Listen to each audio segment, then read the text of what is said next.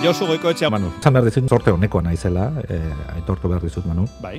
Ba, saio honegatik ez balitz, nituzkelako sekula ezagutuko denborak e, estali dituen poema liburu batzuk. Mhm. Ba, bakizu gaurko gaur egungo literaturan asko publikatzen da. Da egile ezagunen poema liburuk ere bizitza laburra daukate. Mm. Hortxe daude, liburu dendatako erakusleioetan, bi astez, hilabetez, Bai. Ba, Gero dendako apaletara igarotzen dituzte eta gainerako liburuen bizkarren artean apalean erakutsi behar dute beren bizkar e, fina. Ia ikusezin bihurtzen dira. Bizkar fina, eh? Bai. bueno, eta gero azkenik, dendatik ateratzen dituzte, Bai. eta stok izeneko hitz beldurgarria bilakatzen dira. Almazen hotz bateko kaxa batean gorderik. Haze destinua, eh? Poesiaren zate, eta bai, literaturaren zate, ez? Biltegi bateko gela batean hor Bai. sartuta, ez? Zorionez, ba, liburu berriak ateratzen dira, baina zarrak, gero eta gehiago, e, ba, kaxetan gortzen dira, eta, bueno, hor geratzen dira. Mhm. Urteak pasatzen dira. Bueno, nik gaur, ia berrogei urte dauzkan liburu bat ekarriko dutona. Ia berrogei urte. Gai, kasualitatez iritsi nintzen e, haren horrietara. Susa argitaletxeak e, digitalitaz, digitalizatuta dauzkalako hainbat eh, liburu, armi arma izeneko webgune derrean. Mhm. Bueno, haitxuz inarra idazle eta irakasle bergararraren irusta izeneko liburua ekarri dut gaur. Aitxus Inarra, eh? Aitxus Inarra, Bergarra Bergarra, idazlea. bai. Mhm. E, Aitxuz Inarra unibertsitateko irakaslea da, edo izan da, mortxe jubilatu ezpada bintzat, e, filosofian eta hezkuntza zientzietan doktorea da, Nafarroan bizi dela uste dut, eta, bueno, Euskal Herri puinetan hilketak, hilketak duen paperaz, eta ez dakit gogoratu, sakamantekaz hiltzaile arabarraren e, figuraren proiekzioak, proiekzioari buruz e, ikerketa eginak ditu, ezta? Ez ditut irakurri, baina interesgarriak ematen dute. Bueno, katozen poema liburura. Inarrak hogeita mar urtez euskala idatzitakoa da. Ara, nik eh, argi esango dizut, no? Badria liburu batzuk imperfektuak izan arren, Aha. eta hau ala da. Han eta hemen izugarrizko indarra, mm egia, autentizitatea erakusten dutenak. Mhm. Mm, Pelikulek egin ere gertatzen da, ezta? Gerora kultuzko film bihurtzen, bihurtzen diren eh, horiek. Ez dira bete-beteak agian, baina badaukate zer. Zerbait, ez da nesta hori, ez? Akatsak izan, edo... Bai, ez, badukate bai, baina- harrapatzen zaituen zerbait. Hori da, hori da, hori da. Eta hori gertatu zait niri liburu honekin. Mhm. Hiru gai unibertsalek eh, zatitzen dute liburua, irusta landarearen eh, hiru horriak bezala, ezta? Amodioak, bizitzak eta eriotzak. Bizitzako gozarik importantenak, ez? Bai, poema laburrak dira gehienak eta ni nik bi irakurralditan, eh, eh, amodioari eta bi- bizitzari dagozkienak multzokatu ditut. Eriotza bazter utziko dugu. Arros, amodio Bai? eta bizitza, bale. Hori da. Amodioarekin hasiko gara, da noski, hemen hogeigarren mendeko poesia gehienen bezala, hau gogoratu mila bederatzi dut eta bosteko liburua dela. Amodioa ez da gai samurra. Mhm. Gozoaren ondoren, ozpina mairatzen da, nahiaren gainean sarritan ezina dago, eta beti, beti, beti, desira. Desira.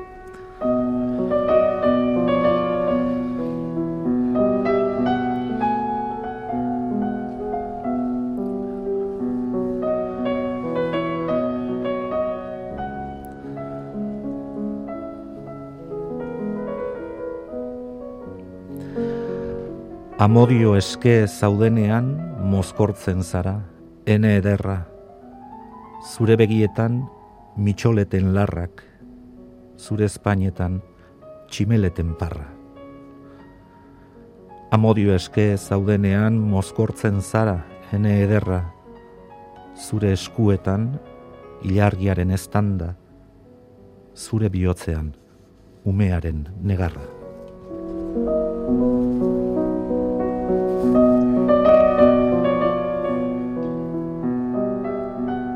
Zatozte zuok, suzko begi bakartiok, ene bihotza berotzera.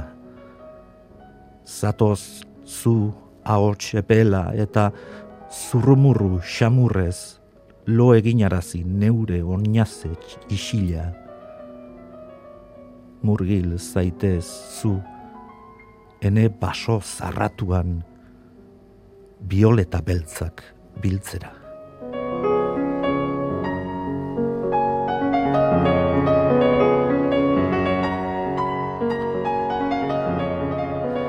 Izena galdu dut janzkerak, zapatak, adats luzea, malkoak eta hankak.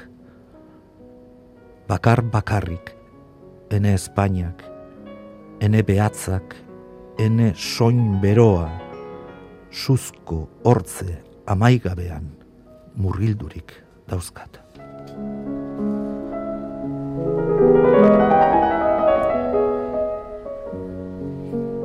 Amodioaren alde guztiak, eh? Bueno, Al- bueno, Eh, bizitza. bai, bizitza da liburuko bigarren parteko gai nagusia, eta nire ustez eh, lortuena.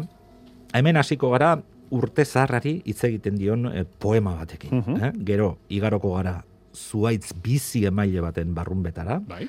eta hirugarren piezan, itxasoan bukatuko dugu. Mm? Hori da. Eriotzaren atzaparretatik iesi, edo gizartearen atzaparretatik iesi, pertsonen eh, erakarpenetik iesi, poetaren bizinaia ageri zaigu iruretan.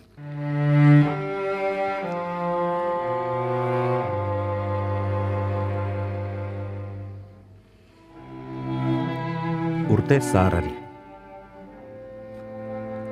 Zure azken arnas geldia dantzut. Zure azken hitzak, eskila larriak, ilzori dandak, eta astiro, astiro, itzal iluna bailitzan, irristatuz zoaz. Desager urte zaharra, utziozu urte berriari, odola eta harima.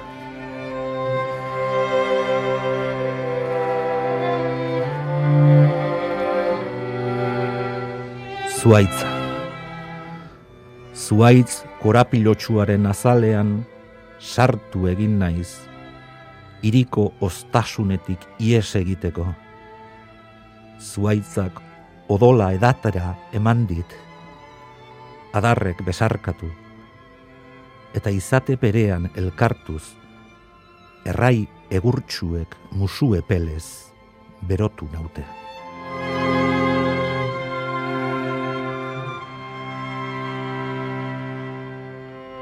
Ur gailur baretan animalia ankerrak mamuak. Ekaitz itzelaren baitan euritantak txikiak eta xumeak.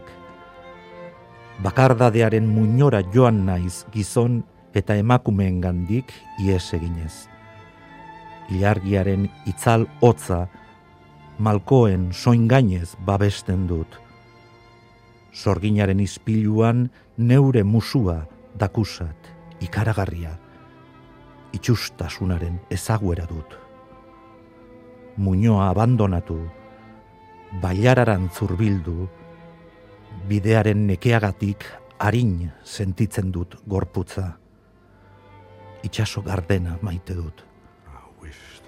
Itxaso gardena maite dut. It's over now, the water and the wine.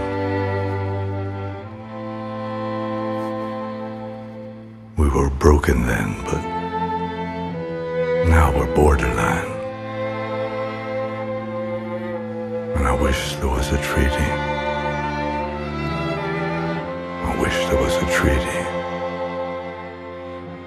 between your love and mine. Eta hemen, e, Josu, uztarri beren jarri ditugu Aitxu Sinarra eta Leonarkoen. Hori da. Ez da lotura txarra, eh? egile favoritotako bat, maitenetako bat, bai, eta bueno, ondo sartu da, zarraren hautsa hor. Ba, bai, egia esan bai, eh? eskartu dugu, eskartu dugu e, Aitxu Sinarraren poesia eta Leonarkoenen ahots zoragarri eta sarkor hori ere bai. Gogoratu, Aitxu Sinarra bere lana da irusta eta topazten ezakete Susa argidaletxearen armi arma izeneko webgunean, ez da? Hori da, Eh? bai. Josu, ez dakit nola gongoaren urrengo astean, ez dakit, poesia bintzat izango dugu, hori segura. Poesia gongo eta esperantzarekin beti. Hori da, agur Josu, Agur. besarkada, aio.